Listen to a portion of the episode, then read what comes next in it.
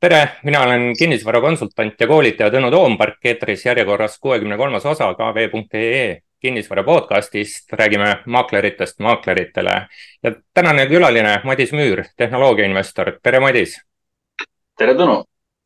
ja saate selline töö pealkiri on, et kas elamispindade turg kukub kokku või tõuseb uuele elule ja, ja millest, millest selline eh, teema, et Madis on äh, kinnisvaraturu osas väga sihuke karune olnud, väga pessimistlikud äh, mõtted äh, on Madisel olnud minu vaatest vähemalt ja, ja mina, kes ma olen kuidagi tunnetanud, et selline turuosalistest, ma olen sageli oluliselt pessimistlikum, siis, siis kuidagi on nagu nii juhtunud, et ma, ma olen nagu väga optimistliku vaatega. ja, ja, ja kui tavapärane selline erimeelsuste lahendamise parim võimalus on ikkagi üks hea kaklus, siis me läksime lihtsamat te teed pidi ja, ja otsustasime, et äh, räägiks siis, et mis on ühe või, või teise vaate eh, taga ja, ja, ja siis eks siis kuulaja ise, kuulaja-vaataja ise otsustab eh,, keda ta usub mis, mis siis nagu tõenäolisem tundub ja, ja võib-olla siis äh, hoiaks meie vestluses pigem niisugust Tallinna vaadet, sest Tallinn on äh, ikkagi kinnisvaraturgu või kogu Eesti majandust äh, suunav ja, ja vaataks rohkem võib-olla elamispindade poolt, sest äripindade turg käitub ikkagi natuke teistmoodi on otsustusprotsessid teistsugused. aga võib-olla selle sissejuhatuse juurest ma, Madis, annakski sulle sõna, et võib-olla tutvustad ennast äh, kuulajale, vaatajale ka paari äh, sõnaga, et äh, kes sa oled, mis sa, mis sa teed ja, ja siis vaatame siit edasi. jah, et ma investeerin tehnoloogiaettevõtetesse, eelkõige Eesti startup idesse siin viimased kuus-seitse aastat juba ja noh, kasvatan kõrvalt ka kahte väikest last, et äh, selle peale mu põhiaeg läheb. Äh, kinnisvara koha pealt äh, mul pere on väiksel keskmisel määral kinnisvarasse investeerinud juba üheksakümnendate teisest poolest saati ja e-, elukaaslane on ka ehitusõiguse advokaat ja noh, mitmeid arendajaid tean, et noh, jälgin ise ka erinevaid varaklasse investorina, et mingisugune sissevaade nagu on valdkonda mm.. kas sul täna, nüüd ja praegu ka kinnisvara investeeringuid on? Või kinnisvaraettevõtetesse? äh,? Äh, praegu investeeringutena ei oma, äh, isiklik korter nagu pangalaenuga on, äh, vahepeal siin buumi ajal Arkot ja mingeid asju natuke aega omasin, aga need on kõik nagu juba enne Ukraina sõda maha müüdud. Yeah.. et, et noh, et kui me, kui me siin diskuteerima hakkame, et siis ma peaks vast oma poolt ka samale küsimusele vastuse andma, et minul on äh, füüsilisse kinnisvarasse on, ütleme niisugune seitsmekohaline number investeeringuid nii, nii brutos kui netos. Ja, ja, ja on siin nii Merko kui Hepsori kui Arkovara aktsiaid, ma mõtlen Äh, need vist ja, ja mitte, mitte ütleme, Hepsorit ja Argovara on suhteliselt nagu marginaalne kogus, et Merkot on õige pisut rohkem, aga, aga füüsilise kinnisvaraga võrreldes on äh, väärtpaberid muidugi väikses osas. ja, ja kuidas, kuidas ma sain unustada, Eftenit muidugi on minu, minu portfelli äh, mõttes äh, parasports, nii siis Eften Unitedit kui kui, kui siis Efteni, mis ta siis on, real estate'i aga, aga, aga võib-olla siis selleks, et nagu teatav sihuke Äh, kandev, kandev joon paika panna, et ma, ma võtaks paari sõnaga kokku, et mis meil kinnisvaraturul, elamispindade turul äh, toimumas on ja, ja noh, Tallinna baasilt, et tehingute arv üheksasada viiskümmend tehingut äh, tehti korteritega Tallinnas maikuus ja ma väidaks, et seda on väga palju, et ikkagi, kui me oleme üle pikaajalise keskmise, mida on kuussada viiskümmend, seitsesada tehingut, siis seda on nagu palju, arvestades majanduskonteksti, kus me oleme. pakkumistega koguturul turul, niimoodi järelturul äh, on olukord selles mõttes hea, et pakkumist väga palju ei ole, et äh, pakkumist on niimoodi oluliselt alla ajaloolise keskmise. ja keskmised hinnad äh, tehingutel seisavad suhteliselt paigal juba eelmise aasta maikuust, aga tegelikult, kui tehingute struktuuri sisse vaadata, siis samaväärne vara on ikkagi täna kümmekond protsenti madalama hinnaga uusarenduste pakkumine kasvab ja seal on küll selgelt liiga palju äh, pakkumist, noh, teatud mõttes positiivne on see, et osa pakkumisest on ainult paberil ja mitte ehituses, et kapitali pole sisse pandud ja see nagu liiga suuri riske turule ei tekita. ja kui pakkumist on palju, siis müügiga, kuidas müük on ikkagi suhteliselt eh, nigel eh, sada, sadakond korterit on siin viimastel kuudel müüdud, et ütleme, et viimastest kuudest tahapoole minna ajas pole mõtet, sest meil oli siin ikkagi novembrist eh, jaanuari-veebruarini oli paras depressioon arenduste turul üürituru pakkumist pigem palju, üüritootlused on niisuguse viimase kaheteist aasta kõige madalamal äh, tasemel ja, ja siiski üürihinnad on äh, läinud nüüd kolm kuud üles väikeste sammudega, aga nad on läinud üles, et nii palju siis elamispindade eh, turust. aga, aga kui me mõtleks, et elamispindade turg on kuskil keskel ja, ja, ja, ja, ja seda siis mõjutab mingi makropilt, et eh, kuidas, kuidas sa võtaks eh,, Madis, et eh, mis on niisugused makronäitajad, mis eh,, kus on suuremad riskitegurid eh, või, või vastupidi, võimalused, mida, mida sa kinnisvaraturu mõttes eh, silmas peaksid? Jah, siin on mitmeid äh, nii riske kui võimalusi, aga noh, kõigepealt äh, tuleks isegi natuke kaugemalt, et äh, noh, viimased kümme pluss aastat olid sellised erakordselt head ajad, on ju, null Euribor ja kiire majanduskasv. et mm -hmm. see aeg on nüüd jäädavalt läbi. okei okay,, Euribor käib siin nelja juures ära, noh, eks ta on siin üle kolme olnud alles mõned kuud. ma arvan, et need mõjud tulevad majandusse ka viiteajaga, et siin võib majandus veel kärisema hakata mm.. aga, aga jah, et noh, edaspidi vähemalt forward'id näitavad, et Euribor jääb sinna kahe poole, kolme vahele, kui ta siin, ma ei tea, kas aasta lõpus või järgmise algul langema hakkab. ja teisest mm. küljest jah, majanduskasv oli siin väga kiire, me jõudsime küllaltki madalalt põhjalt eelmise masu ajal praeguseks juba niisugusele Lõuna-Euroopale järgi, et Hispaaniast oleme skp mõttes ees äh, ja samas Jaapanil ja Itaalial küllaltki samm, äh, kannul juba niisugune viis protsenti on meie skp äh, per capita vahe nendega. Mm.. et, et noh, sellist kiire majanduskasvu tagasitulemist on mul praegu ka raske näha, sest noh, mis on meil need majandusest sellised suured sektorid, mis võiks nagu, mis on oluliselt produktiivsemad kui Jaapani majandus ja, ja mm. mis on sellised suured, et kannaks nagu majandust tempokalt edasi. Neid nagu noh, liiga palju ei ole. IT on siin kenasti tempokalt pannud, seal on kõrged palgad, on ju. aga noh, riskide koha pealt lisaks Euriborile siis ongi see, et äh, just äh, noh, startup'id, kui eelmine aasta ja üle-eelmine aasta kaasasid kõik miljardi, eelmine aasta isegi natuke peale. et siis see aasta esimene kvartal oli suurusjärgus kuuskümmend miljonit ja noh, eh, tundub, et see aasta võib see sinna saja, saja viiekümne miljoni, eh, noh, maksimum kahesaja miljoni kanti jääda. ja mm. samas ka sellist eh, väljumiste aega, noh, Pipedrive'i müük, Wise'i IPO, kust tuli ka sadu miljoneid või isegi üle miljardi majandusse, et seda mm., seda aega ei tule enam nagu aastaid. väljumisi tehakse ikkagi nagu heal ajal mm.. aga. selliseid pisikesi väljumisi tuleb, aga, aga jah. Aga näed sa kinnisvaraturu mõttes, äh, noh, sa mainisid, eks, et intressimäära äh, ja et noh, see on selgelt, eks täna riskitegur ja, ja sellega saab ainult nõus olla, et kui meil on, majandus on ikkagi dopingu peal olnud siin äh, intressimäära ja rahatrüki mõttes ja, ja, ja arvata, et see nüüd siis äh, jätkub olukorras, kus rahatrükki ei ole ja pigem eks korjatakse keskpanga bilanssi vähemaks, intressimäärad on üleval et, et noh, see keskkond eh, on ikkagi hoopis midagi muud ja just täna, täna hommikul vaatasin, et igaks juhuks kuulajale-vaatajale ka kahekümne esimese juuni varahommikul me siin eh, saadet salvestame, mis siis kahekümne üheksandal eetrisse läheb. aga, aga nüüd on siis Euribori tipp on lükkunud forward'ite alusel detsembrisse, jõulude-eelsesse aega ja noh, alles see oli septembris, eks see tipp. ja, ja, ja siis sellele tuleb lauge langus, aga see kaks pool, eks see on no, kuskil seal kahe aasta taga. Äh, et, et, et, et sellega läheb aega, aga näed sa kuskil mingeid äh, võimalusi, mis võiks kinnisvaraturule hoogudena anda? kusjuures tooks ühe riski veel välja, et siin jah, tööstus ja sihuke toodete eksport on ka oluliselt langenud mm.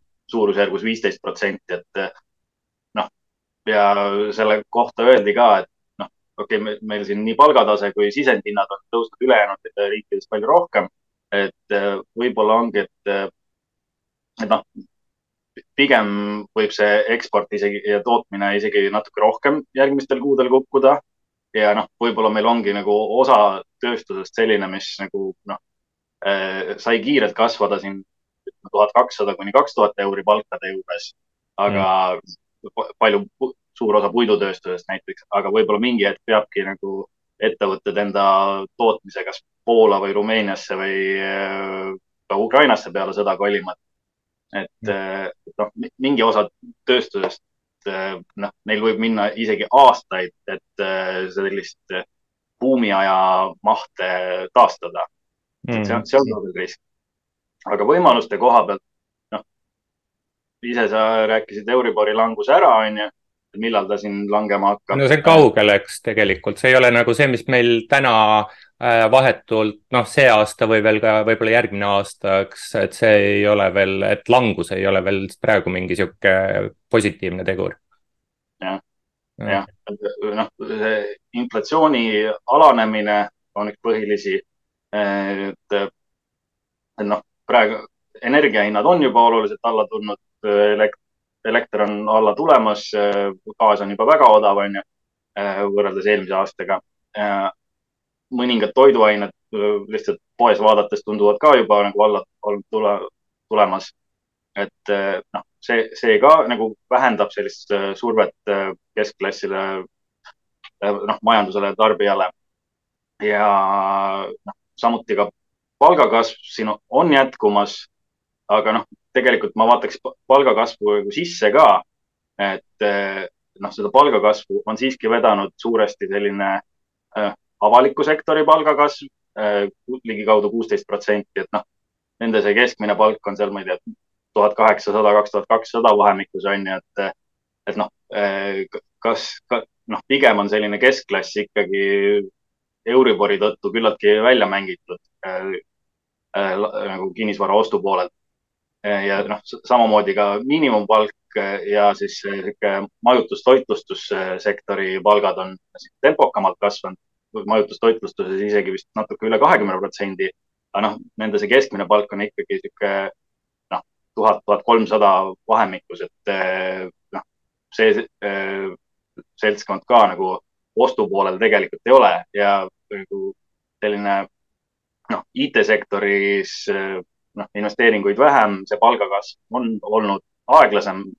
täpselt ei mäletagi, mingi noh, seitse-kaheksa protsenti, midagi sellist, et, et noh, sihuke sellise jõukama kinnisvara ostupoolel oleva äh, seltskonna palgakasv on tegelikult väiksem olnud kui võib-olla ka see noh, hinnatõusud seni mm. -hmm. okei okay aga, aga vaataks, võib-olla sa läksidki siin nagu mõnda teemasse üsna detailselt sisse, aga vaataks, vaatakski mingeid erinevaid siis kinnisvaraturgu mõjutavaid tegureid, noh, et, et kui me mõtleks majanduskasvu peale, eks siis üllatus-üllatus, et tegelikult majanduslangus algas meil juba eelmise aasta teisest kvartalist ja, ja selle aasta äh, Äh, prognoosid olid veel märtsi alguses olid, et tuleb pluss ikkagi aasta esimene pool miinuses, aasta teine pool plussis.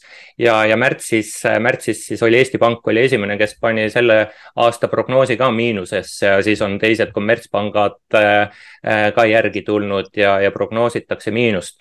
ja, ja kui siin ütleme majandusanalüütikute mm, juttude peale mõelda, et noh, mina ise majanduskasvu ei prognoosi, vaid võtan kuskilt sisendi sisse, et siis no, no seda majanduse taastumist ikkagi lükatakse natuke ajas edasi, aga, aga ikkagi nähakse, et majanduskasv võiks taastuda. ja, ja kui ma ma nagu läheneks niimoodi, et kui kinnisvaraturg ja majandu-, kinnis, kinnisvaratsükkel ja majandustsükkel käivad suhteliselt käsikäes siis kui majandus taastub, äh, siis, äh, siis kinnisvaraturg, noh, kinnisvaraturul ei ole nagu väga põhjust kokku kukkuda. Ja okei okay,, et see aasta tuleb miinus, järgmine aasta tuleb majanduses niisugune tagasihoidlik kaks protsenti või natuke rohkem plussi, aga, aga see on ikkagi pluss ja esiteks siin on kaks asja, et üks asi on, et kui me majanduskasvust räägime, et see on reaalkasv, et tegelikult nominaalne kasv tuleb ikkagi tugev ja, ja noh, nominaalne kasv, kui on suurem kui reaalkasv, see tähendabki seda, et inflatsioon on ja inflatsioon aitabki meil eh, siin mingis mõttes eh, sellistest probleemidest üle saada, mis tähendab siis muuhulgas kinnisvara hinna hinnaprobleemidest, aga tegelikult noh, võib-olla kas hind ongi kõige tähtsam, et turu likviidsus võib-olla on äh, tähtsam kui, kui see hinnakõvera siia-sinna minek, et mis sa sellisest äh, mõttekäigust äh, arvad, et ma võtan kokku, et, et kui majandus sügavale ei lange, siis pole ka kinnisvaraturul põhjust sügavale langeda. no jah, seda küll äh,. nominaalis on kindlasti viimased kaks aastat väga kõvasti kasvanud, ligikaudu kolmkümmend protsenti isegi.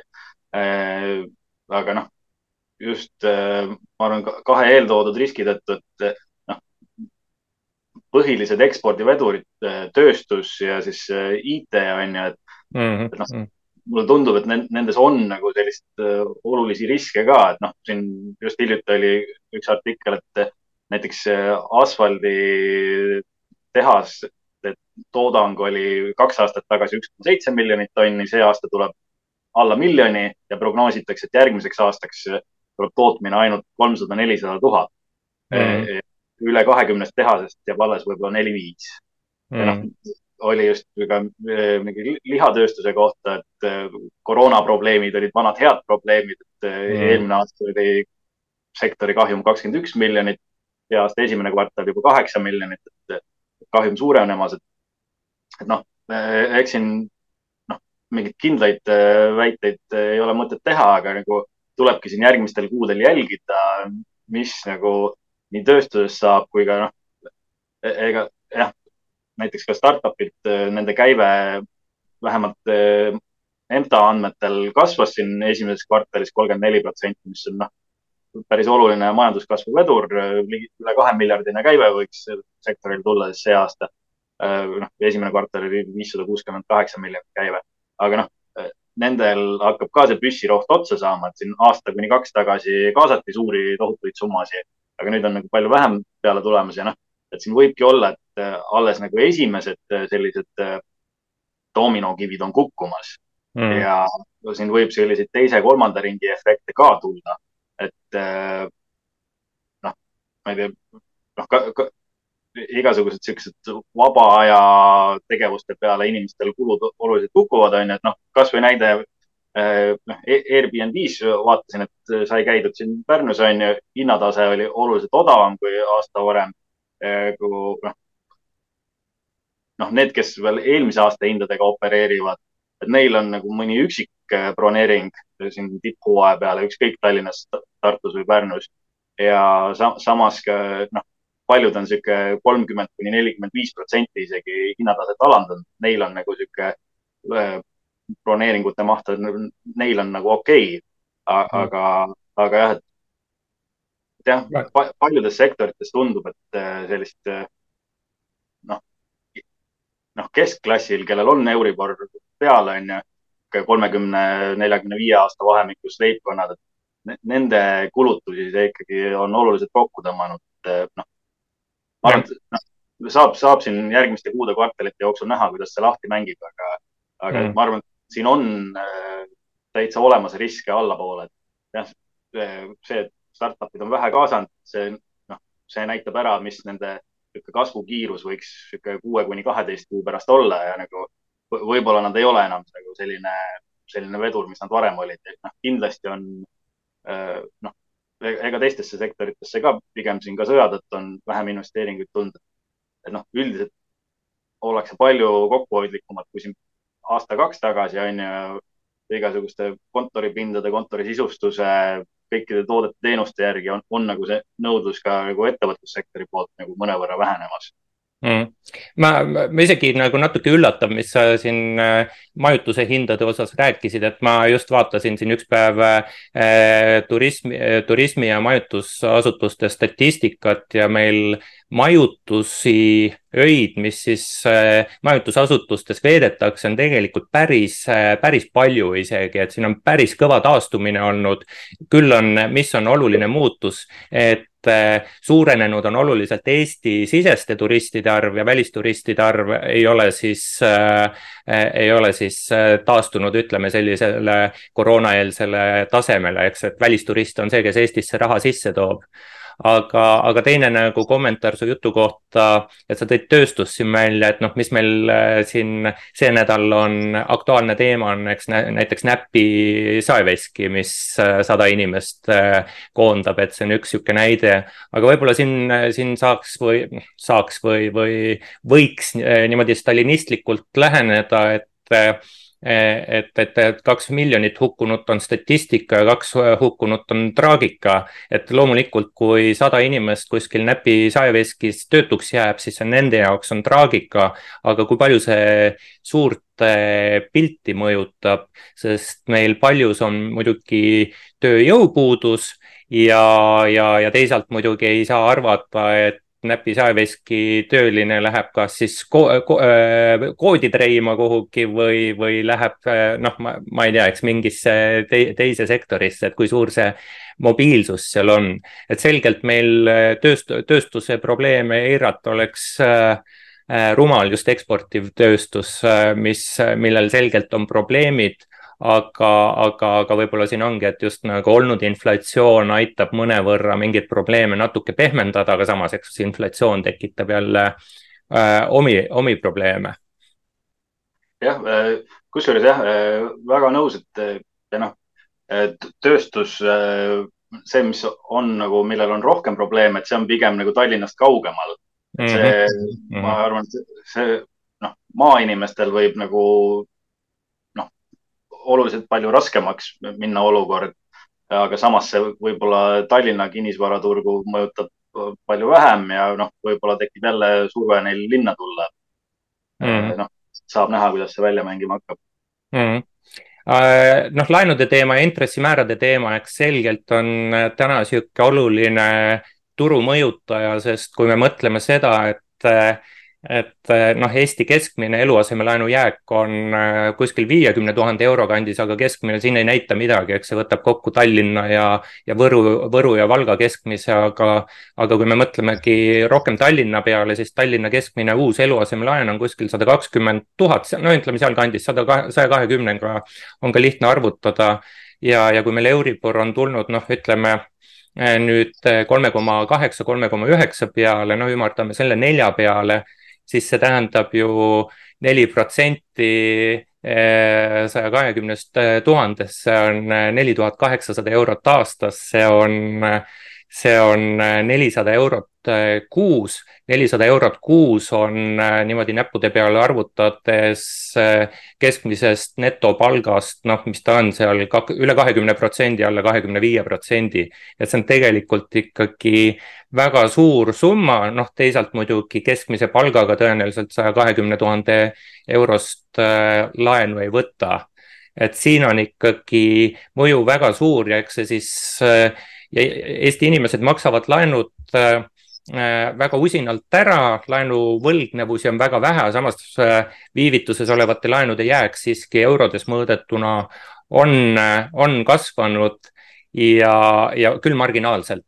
ja pankurid kõik ühest suust kinnitavad, et tegelikult nad on oodanud probleeme laenude tagastamisega, aga neid ei ole tulnud ja, ja, ja võib-olla nagu vaadateski laenude teenindamise statistikat, siis summa summarum võib öelda, et inimesed suruvad hambad risti, maksavad eluasemelaenu ära ja siis vaatavad, kas lapsed süüa ka saavad.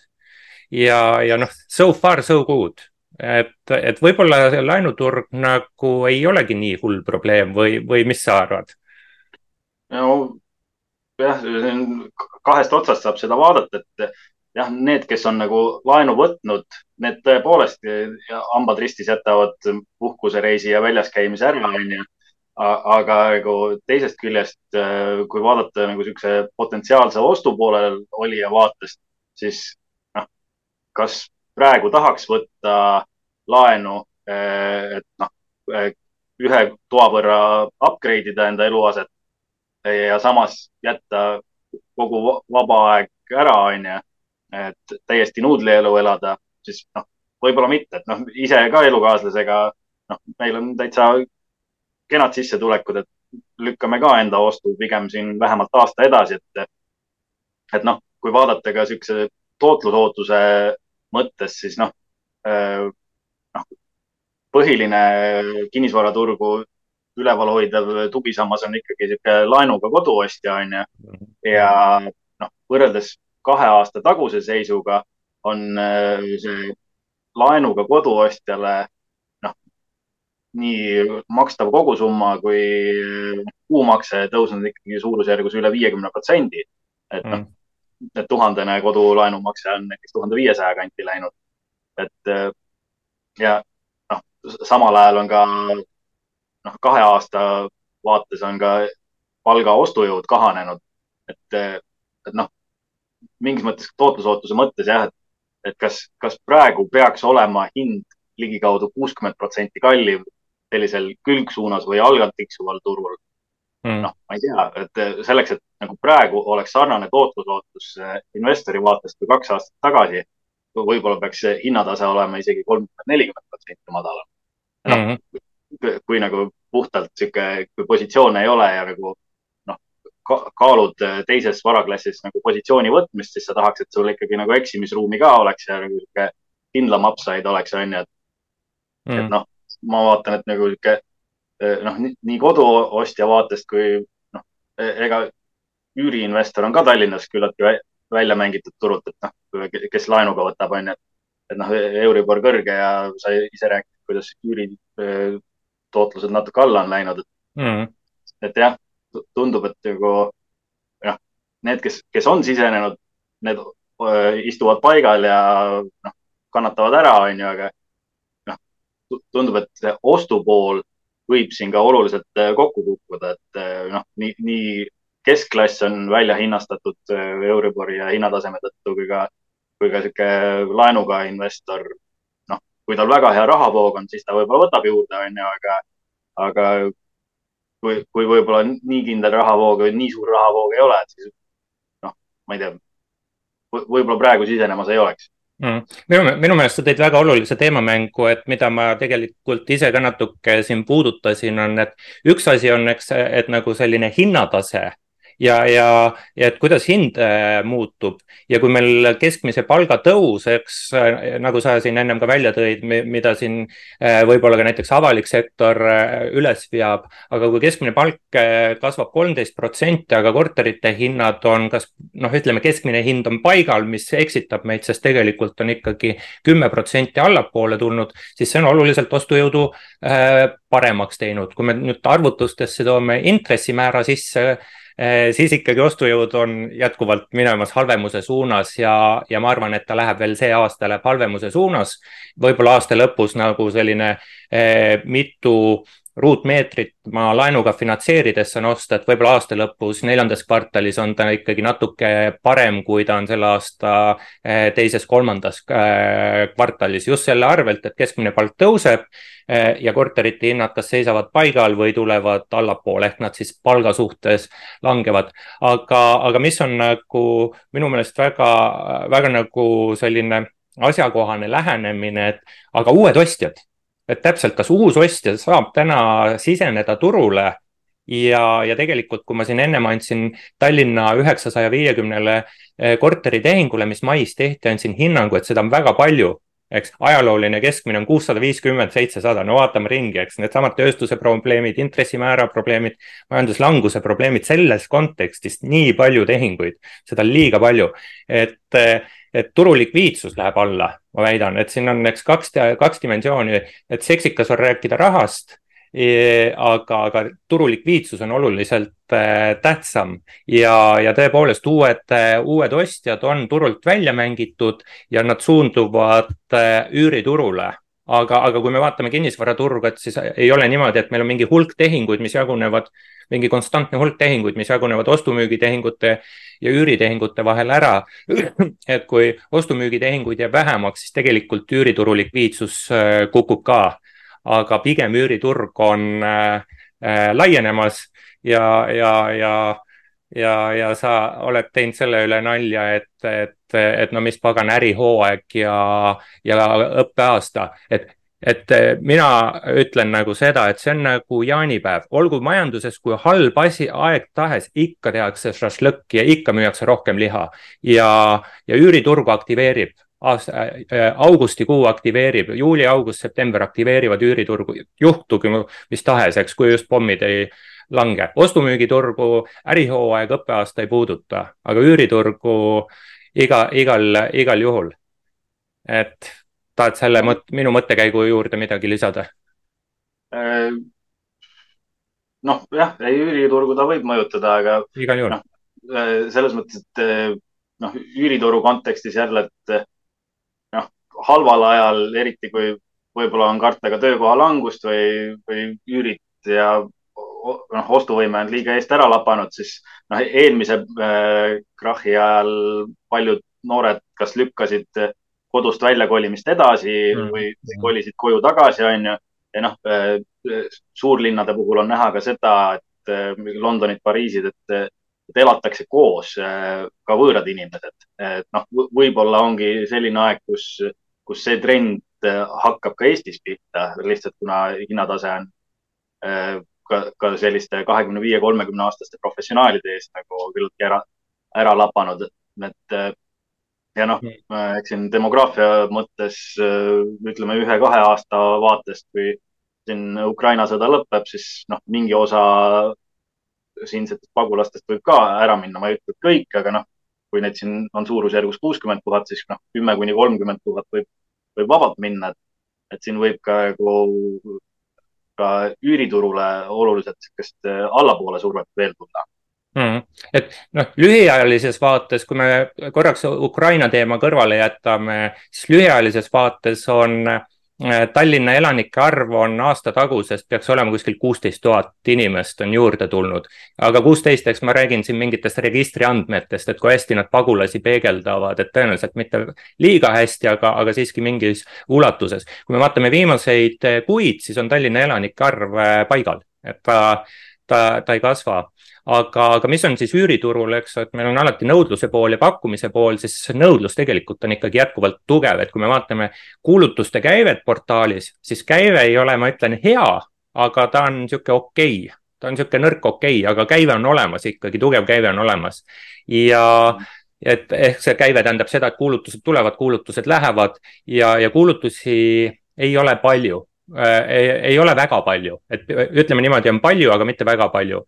ja mis on kuulutustega või pakkumise poolega, on see, et kui kaks tuhat kakskümmend üks vabanes pensioniraha, kaks tuhat kakskümmend üks tekitas see kinnisvara ostubuumi, meeletu kolmekümne protsendise hinnatõusu. kaks tuhat kakskümmend kaks alguses me nägime ka veel seda ostubuumi, osteti kortereid, tootlus, mingi üüritootlus polnud oluline, sest kinnisvara saab ainult kallimaks minna. okei okay,, jutumärgid olid siin ümber Äh, ja, ja, ja need korterid said ehituslik, osteti just uusi kortereid, meeletult ma väidaks sihuke kakskümmend, kakskümmend viis protsenti Tallinna korteriostudest kakskümmend üks, kakskümmend kaks aastal tehti üüriinvesteeringuna. Need tulid siis eelmise aasta lõpus ja tulevad veel võib-olla siiamaani nagu äh, üüriturule, aga nüüd on, me oleme laineharjast oleme üle saanud selgelt, et, et ehk siis äh, pakkumist lisandub vähem ja tootlused on all, uute investeeringute tegemine on keeruline, finantseerimine on keeruline, jube palju tuleb omakapitali mängu panna, et, et pank oleks nõus finantseerima ja siis selgub, et võib-olla panga finantseeringut polegi mõtet kasutada äh, sest noh, sealt mingit võimendust teenida on jube keeruline. ehk siis üürituru niimoodi jutumärkides probleem on äh, pakkumise poole peal, et nõudlus nagu toimib, et see on nagu lühike vaade, aga pikas vaates noh, jah, kui sõda Ukrainas lõpeb, mida iganes see tähendab, siis selgelt mingi hulk inimesi läheb äh, siit ära ja mis siis juhtub, milline hulk inimesi läheb, ma ütlen, et see on täielik teadmatus, teadmatus, risk. sul siia mingeid mõtteid? jah, eks me selle osa katsime täitsa ära, et siia nagu palju lisada ei ole, et nii, nii ta on jaa, aga mm, eile siin äh, kahekümnendal juunil oli Eesti Pank tegi oma seminari, tutvustas oma majandusprognoosi, mis siis äh, eks kraadi võrra nihkus negatiivsuse suunas jälle ja, ja kus siis äh, nähti sellist Eesti, Eesti tugevat külge, mis võiks siis muuhulgas ka majanduskasvu toetada ja üldse siis olla sihuke oluline vundamendikivi on tööjõuturg, ehk siis, et me tõime siin ka välja, eks, et tööstus on, tööstuses on probleeme, mingeid inimesi koondatakse si siin ja seal, aga, aga teisalt meil on siis töötute arv on kasvanud, aga meil on ka tööga hõivatute arv kasvanud. Mis, et kui tööga hõivatute arv kasvab, keskmine palk kasvab, siis nagu nende kahe tööta, töötajate palkade korrutis on, on ju palgasumma, mis, mis meil inimesed teenivad ja, ja kui võrrelda näiteks kaks tuhat üheksa, kümme aastaga, et vot see oli ju see aeg, kus meil vahepeal läks tööpuuduse määr isegi kahekümne protsendi peale. ja, ja palkade langetamine, kakskümmend, kolmkümmend protsenti palkade langetamine oli tavapärane ja isegi Eesti keskmine palk langes, et noh, et riigi keskmine palk langeks, et see on midagi väga ju harukordset ja, ja, ja noh, täna meil on palkade selline kogusumma on tugev ja, ja isegi kui töötuid Äh, tuleb natuke juurde, siis palkade summa nominaalis pigem väga, väga langeda ei tohiks. ja, ja see siis, see on siis ka muuhulgas ju tegur, mis aitab laenusid maksta, mis, mis annab äh, kindlustunnet. ja, ja, ja kui kinnisvara hinnad seisavad paigal ja palgad tõusevad, siis tegelikult noh, see on algus sellele, et ostujõud võiks äh, paremuse suunas minna. sul siin kommentaare? Äh, jah, äh, esialgu nagu jah, iseenesest see Eesti Panga väljavaade nii majanduskasvu kui äh, palgakasvu vaates noh no,, pisut läks negatiivsemaks, aga tõesti nagu tõid välja, et suur pilt on nagu praegu veel kena mm. -hmm. arvan, et võib-olla neid riske ei ole seal noh, kogu ulatuses võib-olla arvesse võetud noh, eks seda tuleb siin järgmised paar kvartalit vaadata, kuidas siin noh, nii tarkvara kui tööstus välja mängib. siin võib mm. tulla äh, selliseid teise ringi efekte ka, et, et kui eksporditulusi jääb vähemaks või ei kasva nagu soovitud tempos, siis nagu ülejäänud majandusse jääb ka nagu vähem raha mm. -hmm. aga, aga jah, et noh, selle ostuvõime paranemise mõttes ega sihuke kaks tuhat neto teeniv või üksikisik või kolm tuhat eurot neto teeniv leibkond, et see on noh, neid selline ütleme, ostujõu paranemine, ütleme ka viie protsendi ulatuses, neid see nagu ikkagi tagasi ostuturule ei too. et selle jaoks oleks vaja ikkagi noh, kas Euribori langust sinna, ma ei noh, kahe poole kanti, pluss siis mingisugust hinnalangust veel, pluss äh, seda noh, palgakasvu ka veel, et noh, selle tõttu mulle tundubki, et et võib-olla see noh, noh, see aeg, kus keskklassi jaoks oleks kinnisvara odav, et see, seda aega ei tule veel mitu aastat. et, et ma arvan, et seetõttu võib see taastumispunkt olla mitte noh, kuue kuu pärast, võib-olla on, võib-olla on aasta pärast, aga noh, teoorias võib ka sihuke kahe-kolme aasta pärast tulla. noh, ja mis, mis tasemelt, et kas noh, okei okay,, praegu on tipust kümme protsenti all. mulle tundub, et selline kakskümmend, kolmkümmend protsenti tipust alla tulemist ei saa ka välistada. noh mm., ja mulle tundub see nagu sihuke äh, noh, realistlik vaade, et pessimistlik oleks võib-olla sihuke noh, ütleme kakskümmend viis, kolmkümmend viis kuni nelikümmend langust on ju. jaa, aga tuleks nende prognooside juurde pisut, äh, pisut hiljem, ma tahaks su selle ostujõu äh, teema peale tuua noh, siukse kuidas öelda, kommentaari või, või näite, et kui sihuke kaks tuhat, ütleme neliteist kuni kaks tuhat kakskümmend selleks, et osta üks Tallinna keskmine korter, milleks ei ole mingi uus ja ilus korter, vaid on üks äh, tavapärane Mustamäe kahetoaline nõukaaegne korter. sellise korteri ostmiseks oli vaja ühte keskmist palka saada.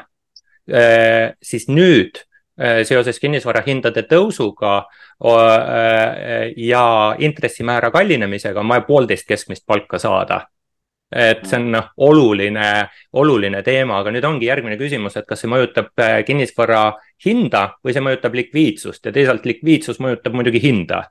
Äh, et, et, et, et aga, aga selle hinnateemaga ütleks niimoodi, et äh, et meil oli üks suur finantskriis siin, kaks tuhat kaheksa sai alguse, kaks tuhat üheksa oli kriis ja, ja noh, siis läks aega ja ütleme niimoodi, et kaks tuhat neliteist tärkas Eesti kinnisvaraturg ikkagi, ikkagi täiesti sellisele uuele elule. kaks tuhat neliteist tuli arendus, tuli niimoodi ilusti, ilusti noh, ütleme pigem võiks öelda isegi mahukalt turule ja, ja see oli, see oli selgelt aeg, kus võis öelda seda, et uute korterite hind määrab turu üldise, üldise hinnataseme, eks uute korterite äh, turg määrab ära teisese vanemate korterite turu hinnataseme.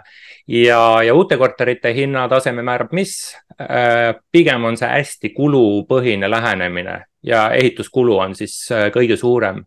ja, ja, ja, ja kas ehitushinnad saavad langeda? noh, ütleme nagu tegin siin Ivo Volkoviga Merko, äh, Merko Eestist, äh, Merko äh, juhatuse esimees, siis tegin ka ühe saate ja no ütleme, eks ehitajalt saada kätte hinnang, et ehitushinnad saavad alla tulla, eks ta ole suht lootusetu. aga eks Ivo jutus oli ka teatav loogika sees, eks ehitushind koosneb laias laastus ütleme neljast komponendist on tööjõud see odavamaks nüüd nii lihtsalt küll ei lähe. Siis on ehitusmaterjalid. Noh, kui suur on siin tõenäosus, et need lähevad eh, odavamaks, mitte väga, et me oleme ikkagi inflatsioonilises keskkonnas. masinad, masinad võib olla ju see koht, eks, mis kuskilt seisab mingi tõstuk jõud ja parem saada sellest natuke raha, kui mitte üldse raha ja, ja kui me vaatame üldse niimoodi pikaajalisi, mis iganes hinnaindekseid, siis langused, noh, räägime siin tarbijahinnaindeksist, ehitus, ehitushinnaindeksist, tootjahinnaindeksist, siis langused on ikkagi ju ebatavalised eh, pikaajalised langused, mitte ajutised. et, et arvata, et ehitushind läheb alla, ehk siis oluline sisend läheb alla, noh, kui tõenäoline on, et, et neljas komponent, mis ehitushinna juures on, on niisugune siis nii-öelda üldkulu ja kasum et kas sellega eks mängitakse ja kuuldavasti täna tegelikult mängitakse, võetakse omakasum välja selleks, et organisatsiooni, ehitusorganisatsiooni elus hoida, aga, aga no see ei ole väga jätkusuutlik, et see on niisugune lühiajaline tegemine. ja, ja, ja noh, selle baasilt ma ütleks nagu seda, et kas et täna selgelt on ehitajal võimalik ikkagi odavamalt ehitada kui aasta tagasi, aga aasta tagasi oli väga kallis ja et, et, et noh, saab võib-olla eks kuskil kümmekond protsenti odavamalt, aga ehitaja, kes täna hakkab, paneb asjad töösse, ta ja vaatab, et nagu nelja tuhande viiesajaga müüvad teised, et tema saaks nelja tuhande euroga ruutmeetrit müüa. ega ta siis nelja tuhandega ju ei müü, ta ikka proovib nelja tuhande neljasajaga saada, et hinna, et hinnakonkurentsis olla natuke parem, aga, aga ta ei lase ju oluliselt alla ja pakkumist on nii palju, et arvata, et nagu oluliselt juurde tuleb noh, ma ei, ma ei tea, mis su mõte selliste sisendkulude teema peale on? noh, sealt Eesti Panga statistikast või kusagilt tuli, et noh, natuke on äh, ehitajaid juba üle ka jäämas, et jah mm., ma arvan, mingil väiksel määral võib see vähemalt lühiajaliselt võib ka tööjõukulud alla tulla. aga noh mm., noh, pigem need ehituskulud siiski jäävad kõrgeks sarnasesse suurusjärku, et aga noh, ma arvan, et nagu noh, suure pildi kontekstis eh, ega sihuke noh, uusarendus on ikkagi sihuke hea aja tõusva turu nagu eh, noh, uusarenduse ostmine on jah, vähemalt keskklassile on nagu sihuke hea aja lõbu. Mm -hmm. see, see ei ole nagu inimõigus ja noh, ei peagi olema ja noh, see ongi okei okay ja noh, üldiselt Eesti turg võib-olla suudabki pikas perspektiivis võtta vastu kolm tuhat äh, uusarenduse korterit aastas, siin vahepeal oli neli-viis tuhat. noh, siin võibki mõnda aega olla, et äh, tuleb sihuke viissada kuni tuhat viissada uut korterit aastas ja see on ka okei okay, nagu. et noh, eks arendajad peavad vaatama, kuidas nad väiksemates mahtudes selle üle elavad, võib-olla mõned väiksemad ei ela ka, onju, mis on ka okei okay.. aga et pigem nagu keerulisemal ajal läheb see noh, tehinguturu raskuskese järjest rohkem järelturu korterite poole mm. -hmm. igal juhul, et noh, paar numbrit siia eh, konteksti. kaks tuhat kakskümmend üks aastal tehti ostuotsuseid Tallinnas nelja tuhande kahesaja korteri osas, et osteti neli tuhat kakssada korterit ja kaks tuhat kakskümmend kaks tuhat kakssada viiskümmend, et tegelikult ma arvan, et see aasta võib-olla ei peaks olema nii hea aasta kui eelmine aasta. et siin on ikkagi kordades langus ja noh, noh, mina, minu arvamus on, et selline pikaajaline keskmine okei tase võiks olla, et müüakse kuskil sihuke kaks tuhat kakssada, kaks tuhat nelisada uut korterit Tallinnas aastas. ja, ja, ja praegu pigem peaksime sellest allpool olema aga meil saade, saade venib juba üsna pikaks, et prooviksin siis prognoosideni tulla, aga sa juba midagi hõikasid välja, et ma, ma, ma siis praegu ütlen, et mis, mis ma ootan, et äh, et statistika näitab seda, et korteritehingute kõige madalam punkt oli eelmise aasta viimane, selle aasta esimene kvartal ja teine kvartal, noh, mille osas meil on ainult osalised andmed, on äh, nõksa kõrgemal ja, ja noh, erinevad segmendid peegeldavad äh, sama, sama käitumist. minul on raske praegu veendunult öelda, et hinnalangus on läbi äh,, aga aga, aga noh, mingid noh, näitajad ütle, ütlevad äh, seda, et, et madal, madalam punkt on selja taga. kuidas edasi läheb, pigem ma olen nagu selles mõttes pessimistlik, et äh, võimalust hinnalanguse jätkumiseks on, aga, aga ma pigem jään selle seisukoha juurde, mille juures ma olen juba mõnda aega olnud, et aasta lõpu hinnatase on selle aasta kõige madalamast punktist kõrgemal. see tähendab mingit hinnatõusu algust, vaid see tähendab seda, et põhi on selle aasta jooksul äh, ära ja, ja pigem hinnad võiks inflatsiooniliselt kasvada, aga pigem ikkagi väga aeglaselt väga aeglaselt, mitte mingit kiiret äh, tõusu ei ole põhjust oodata. ja, ja ma arvan, et äh, kui meil on kümmekond protsenti hinnalangust olnud, et siis mitte, äh, et me oleme igal juhul kui hinnalangus peaks jätkuma, et siis me oleme igal juhul üle poole nii ajalises mõttes kui ka protsendina siin käinud ja, ja miks ma, miks ma sind siis äh, võtsin äh, julguse pessimistiks nimetada, et äh, kui kaks tuhat kaheksa Lehman Brothers kokku kukkus ja, ja kinnisvara hinnad kukkusid alla, siis nad kukkusid, noh, ütleme keskmine hind kukkus viiskümmend protsenti, aga tegelikult samaväärne vara kukkus pigem sihuke nelikümmend protsenti. et, et nagu me, meil ei ole sihukest mulli, meil ei ole sihukest ülekuumenemist, meil ei ole siin ostujõud olnud nii käest ära nagu toona, et meil on eh, põhjusi korrektsiooniks, aga korrektsioon võib olla ka selline inflatsiooni parandatav ja, ja noh, sest hindadel pigem ei ole ju iseloomu langeda, kuigi eks eh, hinnalangust ei, ei tohiks eh, välistada et kas sa tahad äh, minu progno- ah,, ja ma lisan siia ka selle, et, et, et mida me ka sinuga siin puudutasime ja kuhu ka sina tähelepanu juhtisid, et tegelikult turu likviidsus on see, mis äh, peaks nagu oluliselt äh, kokku tõmbama ja seda siis mitte lühiajaliselt, vaid isegi, et me räägime pigem siin aastast-kahest, võib-olla isegi pikemast perioodist. et tahad sa minu prognoosi kommenteerida või, või midagi enda poolt siis välja tuua, et mis sa arvad? Äh, jah, et noh, sa tõid siin välja, et äh, teises kvartalis on äh, mõnevõrra tehinguaktiivsus kasvanud, noh, eks osalt kindlasti need varem. hinnad, hinnad just on kasvanud. okei, noh, eks osalt kindlasti varem lukku löödud uusarenduste pealt on ju mm.. aga, aga nagu osalt jälle noh, noh, nende uusarenduste uute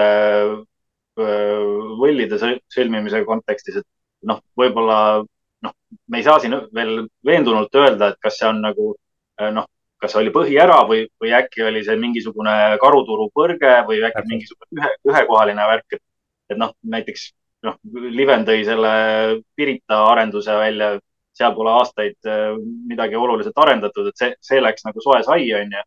et, eh, et noh, võib-olla oligi mingisugune, suguseid selliseid ühekordseid Äh, asju ka ja noh, eks siin neid äh, pankrottide, koondamiste, raskuste uudiseid on alles mingi viimase ühe-kahe kuu jooksul tulnud, et võib-olla turg ei ole nagu ja noh, Euribor ka alles siin hakkab nagu valusamat mõju avaldama. et noh, ma arvan, et siin nagu keerulisemaks läheb küll.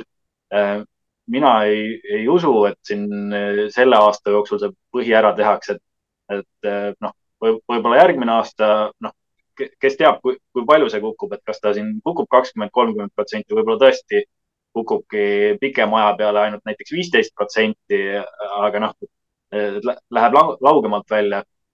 ja noh, kindlasti sõltub ka, mis, mis piirkonnast rääkida, et mingites maapiirkondades, mis saavad rohkem pihta, on ju, et seal võib vabalt nagu kus varem viimase paari aasta jooksul ka kiirem tõus on olnud, et need võivad ka rohkem, oluliselt rohkem pihta saada mm.. aga et, et jah, noh, saab näha, kuidas see välja mängib, siin võib veel nagu noh, riskid nii tööstuses kui tarkvaras kõiges realiseeruma hakata, doominokivid kukkuma hakata, et mm. noh, igasugused stsenaariumid on valla, et ma arvan, et sihuke viisteist, kakskümmend viis protsenti langust äh, võib nagu täitsa tulemas olla ja ma arvan, et see noh, nagu jõudsamale tõusule saab see minna alles siis, kui nagu äh, sellisele kaks tuhat, kaks tuhat viissada teenivale keskklassile äh, hakkab kinnisvara nagu jälle atraktiivseks minema nii hinnataseme, palgatõusu kui, kui Euribori tõttu, et ja noh, sinnani on pigem veel ikkagi mitu aastat aega mm.. no mul, jah, et ma, mul on nagu kaks tunnet, et üks tunne on see, et ega me mingile nagu ühisele otsusele siin ikkagi ei jõua, aga teisalt, teisalt ma nagu näen, et me me nagu mõtleme samade teemade peale ja, ja lihtsalt, eks, et et sina, sina näed mingeid mõjusid suuremana ja mina näen mingeid mõjusid väiksemana. Ja, ja, ja eks siis või võiks ju öelda, et eks me aasta pärast oleme targemad, aga tegelikult aasta pärast on üks teadmatus asendunud uue teadmatusega et, et, et äh, aga, aga ega, ega eesmärk ei olnudki ühele arvamusele jõuda. aga ma olen äh, siin saate lõpus alati külaliselt küsinud turuosalistele mõne soovituse või, või nõuande, et äh, mida sina kinnisvaraturu osalistel täna soovitaks teha, et noh, kas siis arendajatele või investoritele või miks mitte koduostjatele osta, müüa, mida, mida, mida teha? no üüriinvestorite kontekstis, et noh, noh te, tegelikult laiemas pildis kõikidele, et see hea aeg on iga, igaveseks läbi või noh, vähemalt nii hea aeg. Äh, nüüd tuleb oluliselt keerulisem aeg. Äh, pigem nagu noh, turuaktiivsuse, võib-olla ka hinnataseme mõttes nagu mitmeks aastaks.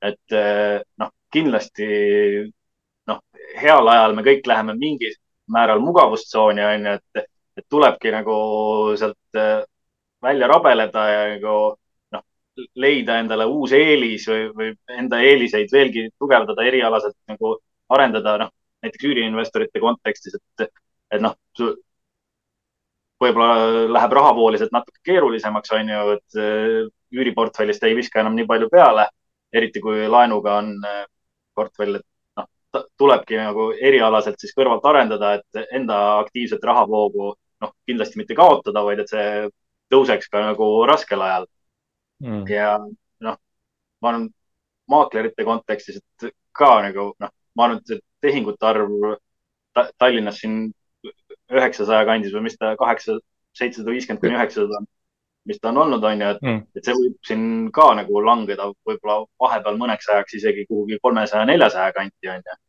et noh, mõneks kuhugi, no ütleme, no viissada, kuussada kanti võib küll. et, et noh, igatahes, et unustage nagu hea aja enda kulud ära, onju, ja erialasesse arengusse tasub kindlasti panustada ja nagu noh, või võib-olla ka kõik, kõik maaklerid ei pea selles valdkonnas nagu eh, vastu nagu seda keerulist aega, et e-, eelmise, noh, eelmine kriis oli palju sügavam, et siis läksid nagu paljud läksid teiste tööde peale ära, et, et jah,